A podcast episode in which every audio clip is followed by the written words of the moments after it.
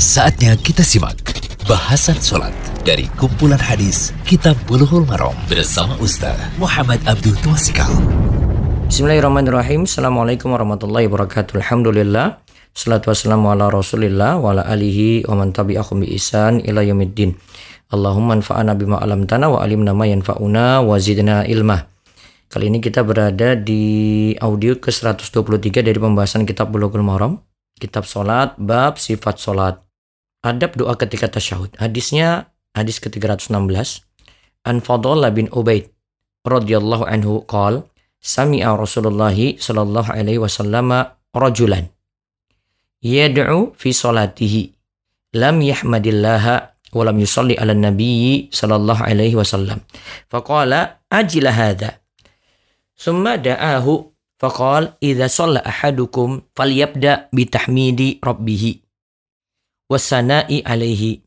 Thumma yusalli ala nabi sallallahu alaihi wasallam. Thumma yad'u bima sya'a. Rawahu ahmadu wasalasatu wasahahu at-tirmidhi wa ibnu hibban wal hakimu.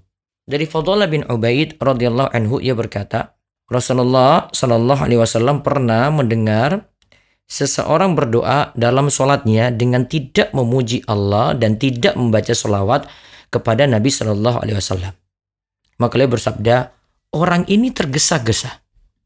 Orang ini tergesa-gesa.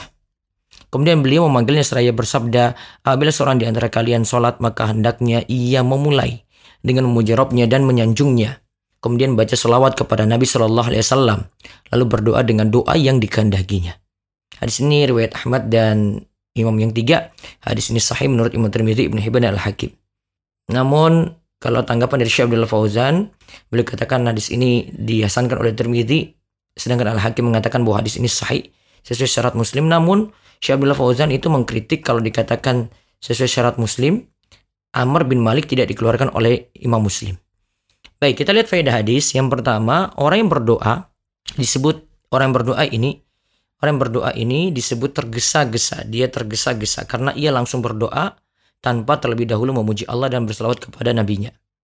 Kemudian hadis ini yang kedua menjadi dalil bahwa termasuk adab dalam berdoa memuji Allah lalu berselawat kepada Nabi Shallallahu Alaihi Wasallam sebelum mengajukan permintaan.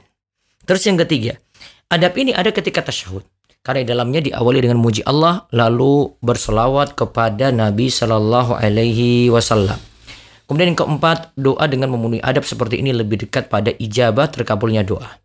Terus yang kelima, eh, disebutkan dalam Jala al-Afham, ini oleh Imam Al Qayyim ya, tidak ada tempat dalam sholat yang disyariatkan memuji Allah, lalu berselawat kepada Rasulnya, lalu berdoa, selain pada tasyahud akhir dalam sholat. Hal seperti ini disepakati tidak disyaratkan ketika berdiri, ketika ruku, dan ketika sujud. Yang lengkap seperti itu tidak perlu. Kecuali hanya pada tasyahud saja. Jadi kalau kita lihat di pembahasan Imam Ibn Qayyim bahwa ini ditemukan ketika tasyahud akhir saja.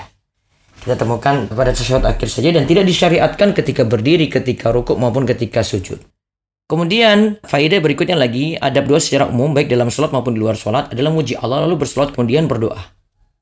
Namun hal ini juga berlaku ketika sujud saat sujudnya lama. Ingat ya, saat sujudnya lama. Seperti dalam sholat tahajud, kalau sujudnya lama, boleh dengan adab memuji Allah, bersolawat, kemudian masuk dalam doa. Itu kata Syekh Abdullah Fauzan. Terus yang ketujuh, sholat pada Nabi SAW tidak termasuk wajib menurut sebagian ulama. Ketika tasyahud, karena Nabi SAW tidaklah memerintahkan orang dalam hadis ini untuk mengulangi sholat.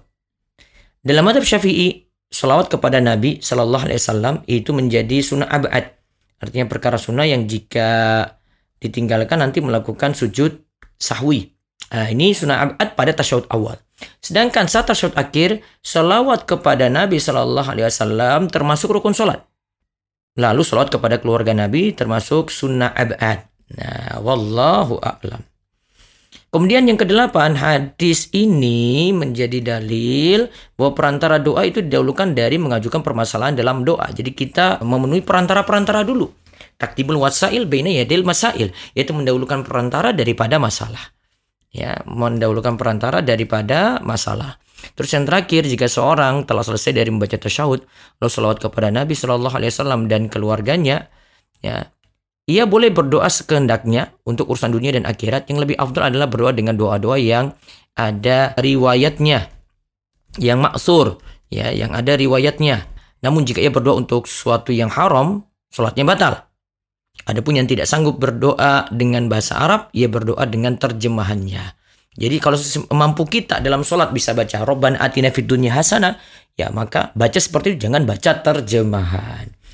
Wallahu alam bisawab, semoga jadi ilmu yang manfaat. Demikian bahasan sholat dari kumpulan hadis Kitab Bulughul Maram bersama Ustaz Muhammad Abdul Tuasikal.